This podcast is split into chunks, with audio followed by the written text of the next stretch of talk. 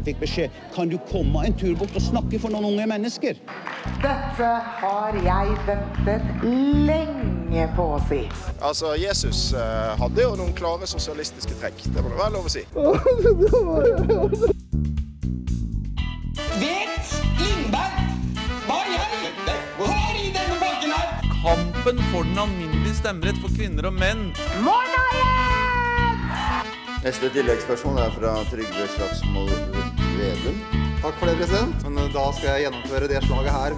Så dette blir utrolig morsomt. Hei, hei, og velkommen til en ny sending av eh, Bakrommet, studentradioen i Bergen sitt innenrikspolitiske program. I dag så har jeg med meg Oda! Erlend. Aksel! Yes, og jeg, Magnus, er programleder i dag. Så, men Aksel, du er jo gjest, så du kan jo fortelle litt eh, om deg selv. Ja, jeg er uh, i studentparlamentet ved UiB. 21 år gammel. Snart 22. 22 på mandag, faktisk. Og eh, studerte vanlig politisk økonomi, så litt innenrikspolitisk. Ikke superinnenrikspolitisk, men litt Ja. innenrikspolitisk. Og, Kjempekult! ja, det blir bra. Eh, og temaet for dagens episode er demokratiet i Norge og hvordan vi kom hit. Eh, så Erlend, kan du fortelle litt om hva vi skal snakke om i dagens episode? Ja, altså Norge i dag det regnes jo som et helt fantastisk demokrati. Vi har jo skåret best på eh, alle mulige indekser, og både for lykke og for demokrati og frihet og alt mulig sånt. Eh, men sånn skjedde jo ikke over dagen. Eh, det var jo en relativt lang prosess, egentlig. Mm. Så vi skal jo snakke om egentlig hvordan vi kom her i dag, og vi gidder ikke starte i sånn vikingtiden. Vi, vi, vi forholder oss mest til sånn typ 1814 og fremover. Moderne tid, da, egentlig. Er det lov å si? Absolutt. I hvert fall i historisk Ja. forstand. Ja, så Vi skal først snakke om veien til 1814, og så litt om parlamentarisme og unionsoppløsningen. Og så litt til over til i dag. Og så skal vi prøve å se litt på hvor demokratiske vi har blitt, og hva vi kan gjøre fremover. Mitt navn er Roger Wallomar, og du lytter på Bakrommet på Studentradioen i Bergen. Da skal vi først begynne å snakke litt om veien til 1814. Og som vi var inne på i introen, så er det jo mye som har skjedd før det. Men hvorfor er det passende å starte på 1814? Altså, det som er interessant med 1814 altså, Alle vet jo hva som skjedde da. Eh, Grunnlov! Grunnlov! Eh, feiret jo det da jeg var 14 år, at det var 200 år siden. Eh, men det som er litt gøy med 1814, det er jo at eh, 1814 var litt sånn tilfeldig, egentlig, at vi fikk en grunnlov. Eh, fordi på 1700- og mest 1800-tallet så var det jo napoleonskrigene i Europa. Eh, og Norge, eller Nor Danmark-Norge, prøvde jo å forholde seg eh, nøytralt. Eh, og det gikk ikke etter at England stjal alle flåtene våre. Så vi gikk på Napoleons side, tapte. Eh, da, de, da, da, da. Eh, og så er det jo dette som kalles for Kiel-freden. Den er veldig viktig. For det som skjedde da, var jo at Norge ble gitt som liksom krigsbytte fra Danmark til Sverige. Uh, men det sto også at det skulle være et eget kongerike. Og i liksom det tidsrommet fra freden skjedde, til Sverige på en måte fikk info og liksom skulle erklære seg eh, konge over Norge, så var det flere eidsvollsmenn som eh, samlet seg og liksom prøvde å få folk fra hele Norge til å lage sin egen grunnlov, og egentlig eh, gjøre at vi har god Altså, alle visste at Norge kommer ikke til å bli et selvstendig land, men ville i hvert fall ha en grunnlov og lage et storting som kunne forhandle med Sverige og ha liksom en så god union som mulig, da. Eh, og det er jo egentlig litt gøy at det var så tilfeldig, fordi det, det, jo, det var ingen selvfølge at det kom til å skje. Og svenskekongen var ikke akkurat veldig happy etter uh, Eidsvoll. Det er jo det som er hele fundamentet, da. For det, det er jo hovedinstitusjonen når vi snakker om demokrati i, i Norge. Det er jo Grunnloven, det er jo den vi alltid, alltid feirer. Og da er det jo spennende da, å gå tilbake i tid og, og se ja, hvordan, hvordan det kom dit, og at det egentlig ja, var utenforstående krefter da, som Mm. førte til det. Ja, og det jeg syns merker meg med demokrati som er veldig spennende, at sånn ser man ikke på norsk historie, da, men eh, globalt. Altså, dem- demokratiet det var jo i antikkens Hellas hvor dette startet først. Eh, men ser vi også da fra 1814 og så helt frem til når det ble universell stemmerett, så er det en del år, altså. Eh, og når det kommer til demokrati, jeg vet ikke, Aksel, du jobber jo eh, til daglig med veldig mye som går på demokratisk Nå har vi jo nettopp hatt studentvalg her i Bergen, eh, men du er jo eh, Jobber jo aktivt med å på en måte fremme demokratiske verdier. Er det lov å si det? Er det innafor? Det er jo det du gjør på et eh, annet nivå kanskje enn det man vil si nasjonalt. Ja, absolutt. Eh, Det blir jo type lokaldemokrati her eh, på en stor institusjon med 19 000 studenter. Så det er klart at eh, det er på størrelse med en ganske stor kommune, som Kristiansund f.eks. Mm. Føler dere dere som Eidsvollmenn når dere samles? Ja, det var det jeg skulle spørre om. Føler dere som eidsvollmenn? Eh, nei Kanskje når alle studentdemokratiene samles, så føler man seg litt fjong, kanskje. Særlig når det blir noen gode middager og litt sånne ting. Mm.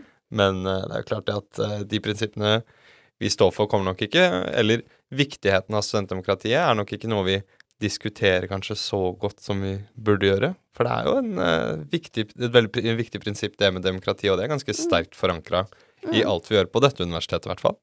Men tilbake til Eidsvoll-mennene, da. eh, Og noe som er spennende med, med det, er jo at på den tiden, så hvis vi skal fortsette litt på sporet med, med Grunnloven, da, det er jo det at uh, det var jo faktisk på den tida Og det, dette er noe jeg syns er veldig spennende å diskutere, da, er jo at det var jo vi hadde jo da på den tida en av verdens mest demokratiske grunnlover, i hvert fall etter standarden som du hadde til demokrati på den tida. Mm. Samtidig så var jo ikke landet sånn Norge selvstendig, på en måte. Og jeg syns den liksom eh, motsetningen er litt spennende. Ja. Fordi vi var jo i en union med Sverige, eh, og vi hadde jo Stortinget. Stortinget fikk, eh, det fikk lov til å bestå, eh, men det var jo da underlagt en regjering der halve regjeringen var i Kristiania, halve var hos kongen i Stockholm, og utenrikspolitikken den hadde Stortinget egentlig ingenting å gjøre med.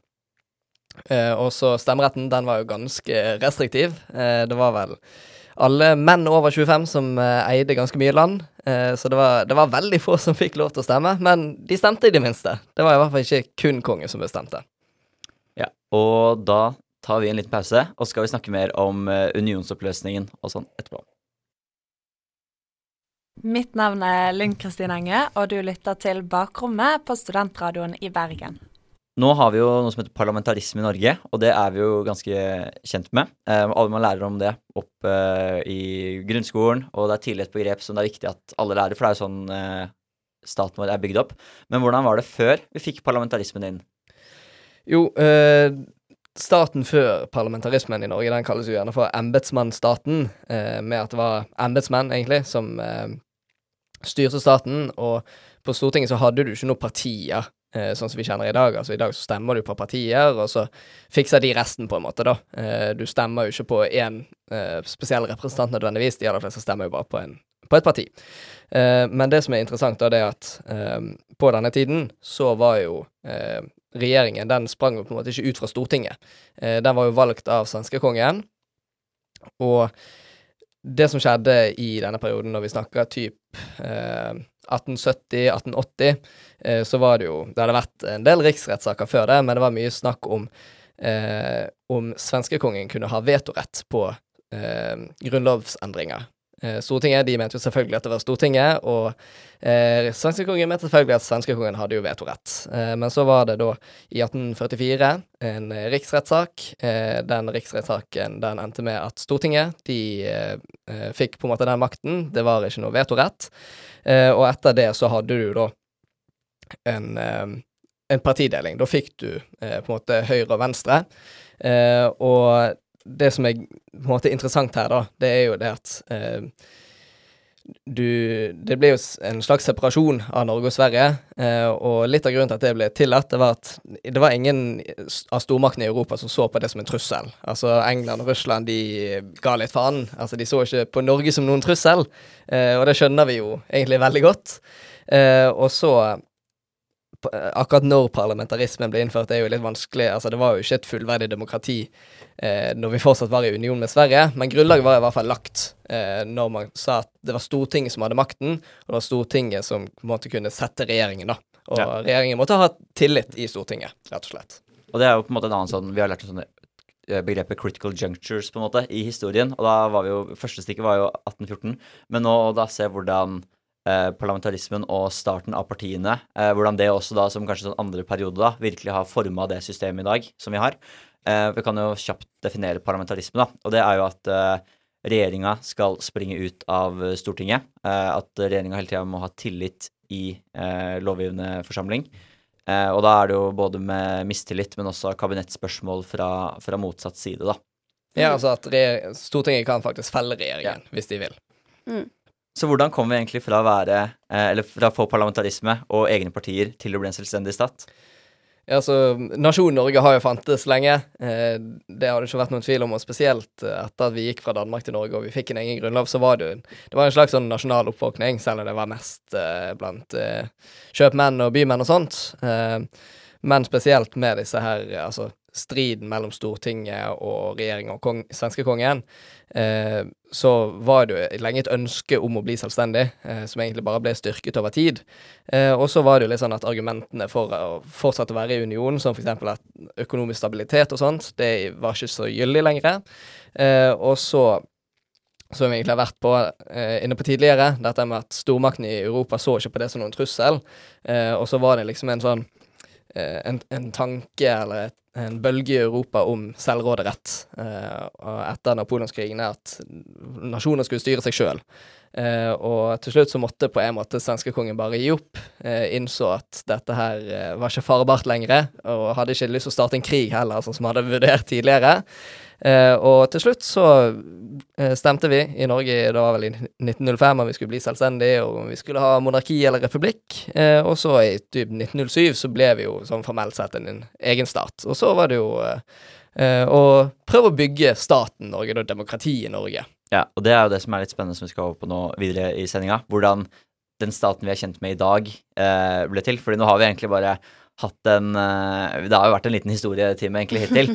Eh, Veldig ja. overforenklet. Men å prøve å se på, ja, se på de store linjene fra liksom Fra vi ble selvstendige da, til det landet vi har i dag, det blir veldig spennende. Så vi tar en liten pause, og så kommer vi tilbake.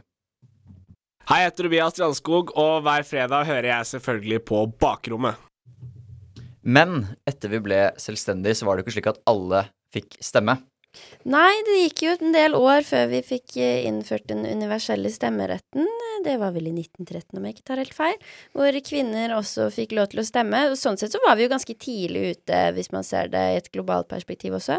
Sveits var vel sist. Det var vel ikke før på 70-tallet. Jeg tør ikke garantere noe. Eh, Men eh, det er klart at eh, det har jo vært veldig viktig eh, for viderebygging av demokratiet. Og demokratiet slik som vi kjenner det i dag, da. Ja, og hvis vi, nå er vi jo på liksom 1913, det er jo rett før første verdenskrig, og Norge har blitt beskrevet som en nøytral alliert i første verdenskrig. Altså, vi, vi holdt oss utenfor. Eh, vi ble ikke invadert eller noe sånt, men vi var mest buddy med Storbritannia. Det var de vi handlet med. Vi fikk ikke så mye lov til å handle med, eh, med Tyskland og eh, aksemaktene. Men eh, i mellomkrigstiden så gikk det jo egentlig overraskende bra med Norge. Eh, 1920-tallet traff oss hardest. 1930-tallet så gikk faktisk økonomien overraskende bra. Og så andre verdenskrig. Alle kjenner jo til det. Vi ble invadert. Regjering og konge flyktet til Storbritannia.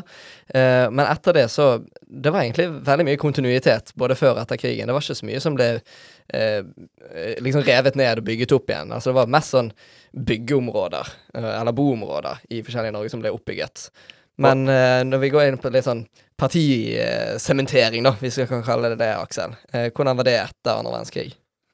Jeg syns også det er ganske interessant det her at før uh, andre verdenskrig, også bare for å ta det litt tilbake, at man begynte å se en litt sånn samla arbeiderbevegelse, i hvert fall ta uh, makta sakte, men sikkert, og at du har jo sånne karakterer som Gerhardsen, som var en kommunist på et uh, visst tidspunkt, og så etterpå, og så etterpå uh, ble en ble statsminister med ganske stort flertall òg, og at man begynte å samle da alle disse som var arbeidere, og tok, tok jo makta på en måte, og starta jo å etablere den her velferdsstaten vi kjenner i dag. Mm. Og det kule er jo hvordan man ser at mange av de valga Fordi ja, etter Det var jo Den andre bølgen med demokratisering kom jo etter andre verdenskrig.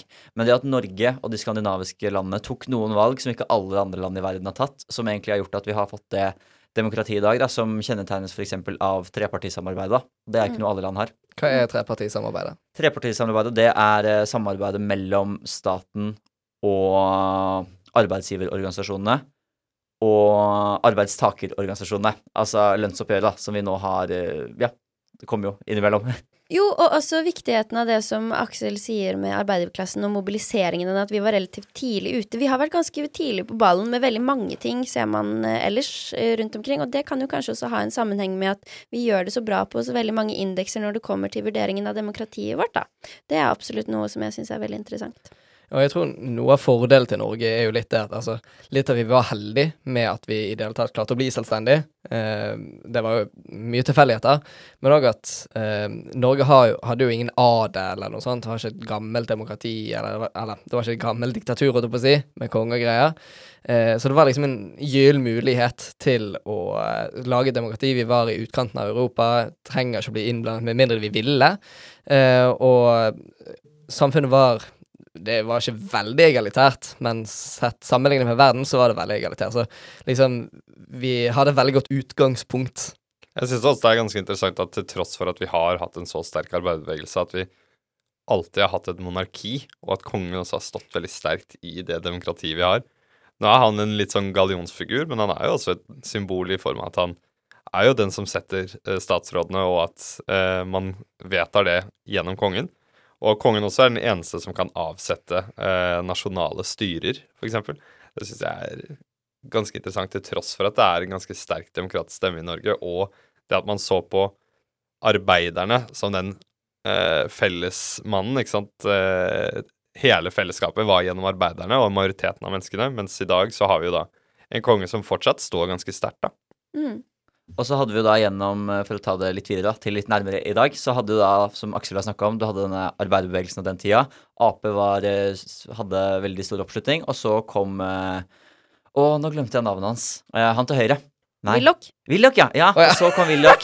Vi hadde Høyre sin periode, og de styrer lenge, og da går pendelen litt på andre sida politisk. Hei, jeg heter Harald Viktor Hove, og du lytter til Bakrommet på Studentradioen i Bergen. Da skal vi snakke litt om eh, hvor demokratisk har vi faktisk blitt. Eh, og noe som er spennende å snakke om da, er jo hvor nærme vi er de som styrer. For det er jo noe som er viktig for folk eh, i, i, vurderinger av demokratier. Eh, om du stoler på dem, om du føler at det er dine likemenn. For det er det som er ja, noe av tanken med demokratiet. Så hva tenker du om det, Aksel?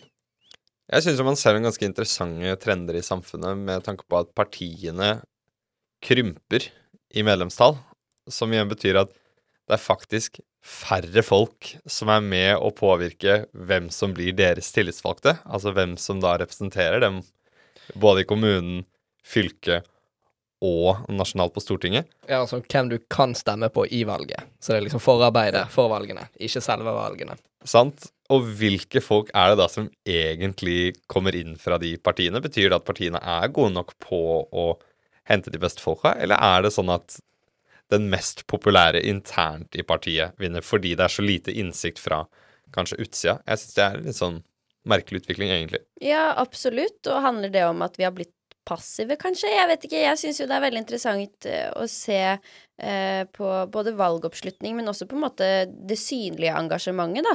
Hvor mye man engasjerer seg kanskje over sånn som pendlerboligsaker, da, hvor kommentarfelt ryker på Facebook, kontra hvor mye altså sånn Hvem bryr seg om det, egen, altså det ideologiske grunnlaget til et parti, da, for eksempel. Det er så, det er så stort spenn eh, mellom hvor man kan se hvor engasjementet virkelig brenner, og hvor det ikke gjør det. Jeg vet ikke, Er du enig eller uenig, Jeg, jeg, jeg syns i hvert fall dette med pellersaker og hva som er greit internt i et parti, mm. er jo veldig interessant. Tenk mm. på Frp og hvor stor takhøyde de har for mm. uh, alle de tinga folk finner på med. Mm. Altså, det er noen Hva er det han heter? Han som slo en annen på TV, liksom? uh, uh, stanke. Skanke. Martin ja. Skanke. Martin Skanke. Stanken. Kanskje Stanke. det var, ja, det var ikke, med, det var ikke tegn med vilje. Martin Skanke. Tenk at han slo noen på TV og er fortsatt en partimann. Hadde du vært i SV, for eksempel, hadde jo ikke kommet til å være med i det hele tatt. Var det Audun Lysbakken måtte gå av som statsråd for han hadde klart å gi karatelaget til SV, nei, SU eller et eller annet sånt penger med et uhell fra departementet for han ikke hadde lest sakspapirene godt nok. Sånn ekstremt fort gjort, og så bare Nei, du må gå som statsråd. Ja. Ble riktignok partileder etterpå, men Allikevel. Nei da, men altså, hvis vi tar litt sånn uh, i det store bildet, da, så har jo Norge har jo Eh, blitt et velfungerende demokrati. Det er jo det måte, vi er definert som. Det regnes som omtrent gullstandarden for demokratier i dag. Eh, og det er jo vel og bra. Eh, men så har vi jo vært inne på noe, eh, i hvert fall det Oda sa, med at altså når, når, ting fungerer så bra, når systemet fungerer så bra, så er det jo en fare for at folk blir passive. Og som Aksel har snakket om, med at medlemstallet synker. Folk føler kanskje ikke det samme behovet for å engasjere seg, fordi ting går relativt greit. Eh, og jeg har jo snakket med venner som bare sånn Ja, men hvorfor skal jeg stemme? Alt funker jo. Altså, det, det går ikke til helvete fordi jeg ikke stemmer, på en måte. Ja, jeg tenker jo fort at det er jo fordi man har jo outsourca kanskje akkurat de oppgavene til departement og kommuner og de som er ansatt der. Fordi det går jo rundt, du har jo et helsevesen, du har en skole å gå til, og det er jo fordi vi er så godt organisert. Men de har ikke nødvendigvis politisk, men det er jo det folk kjenner på, og at vi har noen etablerte sannheter som at ja, ja, alle skal ha en skole i nærheten, liksom. Uh, og det kommer ingen til å rikke ved. Ja, jo, noen legger jo ned skole her og der, da. Uh, hvis ikke du er fra Senterpartiet, selvfølgelig. Og superglad i lokalskolen din. Men eh, det er ganske etablert hva som er riktig å gjøre politisk og ikke. Og det gjør kanskje at vi ikke har et så stort mangfold i partiene allikevel, da. Ja, og kanskje den, denne kontinuiteten igjen med at altså, det har vært ganske Vi er ganske samlet om det meste, egentlig. Men tilbake med det med, med Da tar vi en liten pause eh, før vi er tilbake og snakker mer om hvor demokratisk vi faktisk kan bli. Hei, jeg heter Harald Viktor Hove, og du lytter til Bakrommet på Studentradioen i Bergen. Nå har vi snakka litt om eh, Eller mye om hvordan vi kom til demokrati i dag. Og vi har snakka litt om hvor demokratiske vi har vært, spesielt opp mot uh, medlemmer i partier. Det var det jeg valgte å fokusere på. Men nå er det da det neste spørsmålet hvor demokratiske kan vi faktisk bli? Uh, Erlend, du sa jo tidligere at mange ser på Norge som den faktiske gullstandarden. For demokratiet. Ja. Ja, og nå kan vi jo gå liksom skik nerde skikkelig på filosofi, da, fordi Eh, sånn sett så er jo vi kjempedemokratiske, altså få mer demokratiske land i verdenshistorien. Men samtidig, det er jo ganske mye som kunne vært mer demokratisk. Altså, vi kunne jo hatt folkeavstemning for hvert eneste vedtak eller hver eneste endring i lovverket og alt sånt. Det, det hadde jo vært mulig sånn sett hvis vi hadde giddet å bruke penger på det. Eh, vi kunne ha valgt sjefen vår, vi kunne hatt valg for eh, hva matvarer som skal være i butikken og alt mulig sånt. Eh, men jeg tror nok de fleste er enige om at så ekstrem burde det jo kanskje ikke være. Altså Mer demokrati er ikke nødvendigvis bedre. Eh, det kommer liksom til kanskje et slags metningspunkt da, der eh, mer demokrati ikke nødvendigvis er bedre, da. En, en spennende ting å diskutere er jo det at vi har jo selve institusjonen i Norge. Der er det jo klare valg. Det er rettferdige medier. Og det er disse scorene som gjør at vi kommer så høyt opp på disse demokratiindeksene. Men et spennende felt er jo, opp mot demokratiet er jo dette fellesskapet av borgerne, og at eh, beslutninger skal tas under liksom folkesuverenitet og Ja, det skal være felles enighet opp mot det. Og da er det noen som mener at man må jobbe for å få mer demokratiske eh, diskusjoner i samfunnet. Mellom folk, liksom, sånn at man snakker mer politikk. At eh, den generelle befolkningen er engasjerte. Og det er kanskje noe man har å gå på, da. Jeg, jeg tror du kunne løst det ved f.eks. Uh, sette et par mer folkeavstemninger Eller ha flere folkeavstemninger, egentlig. Jeg syns jo i Irland f.eks. at de har en folkeavstemning om vi vil ha homofile ekteskap eller ikke, f.eks.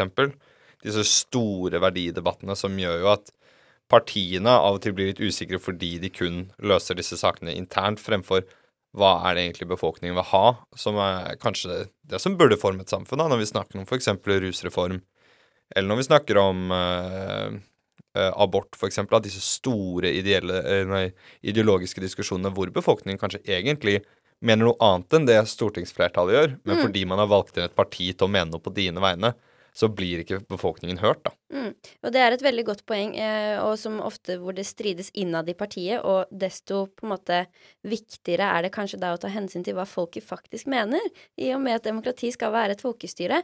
Eh, og det har jo, altså EU har jo vært brennhett da det var tema, eh, og tenk hvor viktig betydningen av folkeavstemning var da.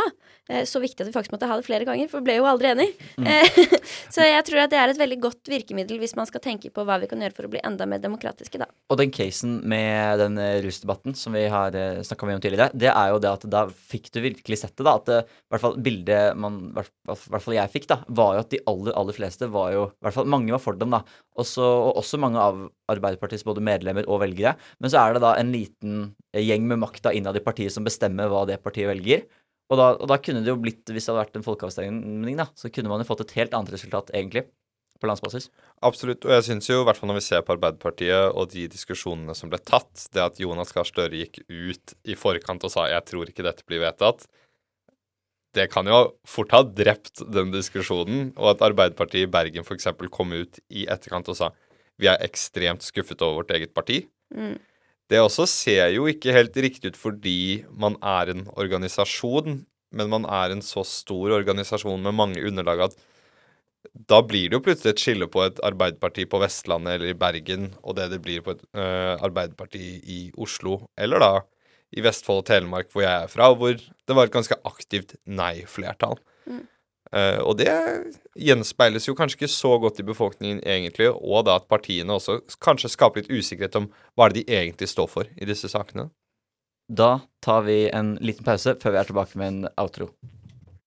Mitt navn er Bjørnar Moxnes, og du lytter til eh, Bakrommet i Studentradioen i Bergen. Nå har vi dypdykka litt inn i forskjellige aspekter ved både hvordan vi kom til demokrati i Norge rent historisk, og også vurdert litt og diskutert litt om hvordan vi er nå. Eh, har du lyst til å ta en liten sammendrag? Ja, altså, highlights, det er jo egentlig Altså, vi fikk eh, som resultat av Kiel-freden så fikk vi grunnlov. Eh, det var mye krangling med svenskekongen, som til slutt endte med parlamentarisme, og så unionsoppløsning. Eh, og så er det jo på en måte etablering og videreføring av eh, de demokratiske institusjonene. Og så har det jo egentlig bare blitt mer og mer sementert, da, så vi har fått faste systemer for demokrati i Norge. Har du lært noe nytt i dag, Oda? Ja, du, jeg har i hvert fall gått tilbake i gamle kunnskaper om uh, unionen med Sverige og grunnlov og Eidsvoll og det, mye jeg ikke har tenkt på på mange år, til tross for at jeg faktisk studerer politikk. Noe her... som kanskje burde vært litt flaut, men eh, sier det gjerne på radioen, jeg. Men det her er jo ting man egentlig veit, men som man ikke husker detaljene på. Mm, det er akkurat det. Du, du har liksom lært det mange ganger, men det sitter jo liksom ikke friskt. Mm. Eh, og når du begynner å snakke om det, så merker man jo ganske tydelig hvor mye er det jeg faktisk husker av det her, Mm. og hvor mye er det jeg ikke har fått med meg, egentlig. Mm, veldig sant. Ja, 100 Eh, Nå har ikke jeg studert på et år, så det er veldig sånn oppfrisker å kunne ta disse, noen av disse akademiske diskusjonene jeg ikke har tatt på lenge. Og som jeg kanskje bør gjøre. Men du som er litt eh, med i politikken og deltar i politikken, så merker du at politikk og demokrati, det er jo ikke én ting. Eh, demokrati kan vi jo si det, det er på en måte et slags mål, et abstrakt mål, og så er det veldig, veldig, veldig mange veier til det. Eh, og det antar jeg jo at du kjenner på. Ja, altså Demokratiet gjennomsyrer jo nesten alt vi gjør eh, i både politikk og organisering. Bare det eh, organisasjoner har egne demokrati lokalt, sånn som på Universitetet i Bergen, da, hvor ansatte og studenter er med å stemme inn rektoren sin, f.eks. Så den øverste lederen skal representere da massen av uh, studenter og ansatte. Vel å merke må rektor ha en ph.d., men det viser jo at det er en ganske sterk forankring av demokrati gjennom hele samfunnet vårt. da. Ja, og i dag så har vi i diskusjonsdelen så vi la da vekt på folkeavstemninger og, og partimedlemskap. Eh, men nå er det snart på tide med helg. Og, men hva er det dere skal i helga? Nå er vi jo nærmer oss eksamenstiden. Ja, jeg holder på med eksamen. Jeg skriver og skriver og skriver og skriver og sover og sover og sover. Ikke. Jeg sover ikke! Så hører du, jeg er så trett at jeg klarer ikke å snakke riktig engang. Det er det eneste jeg holder på med. Det skal jeg gjøre i helgen nå. Og jobbe i tillegg. Så veldig kjedelig.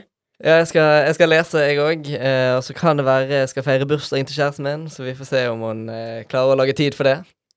Aksel? Nei, det er jo 1. mai på søndag. Uh, Kjedelig som jeg er, skal jeg gå i tog.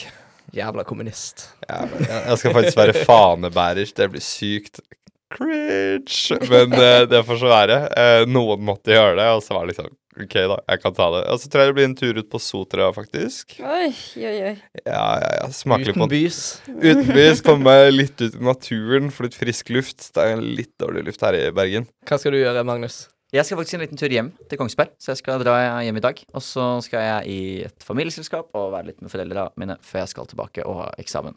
Det blir kjempekoselig, det. Ja, det blir bra. Med det så takker vi for oss og ønsker dere alle en riktig god helg.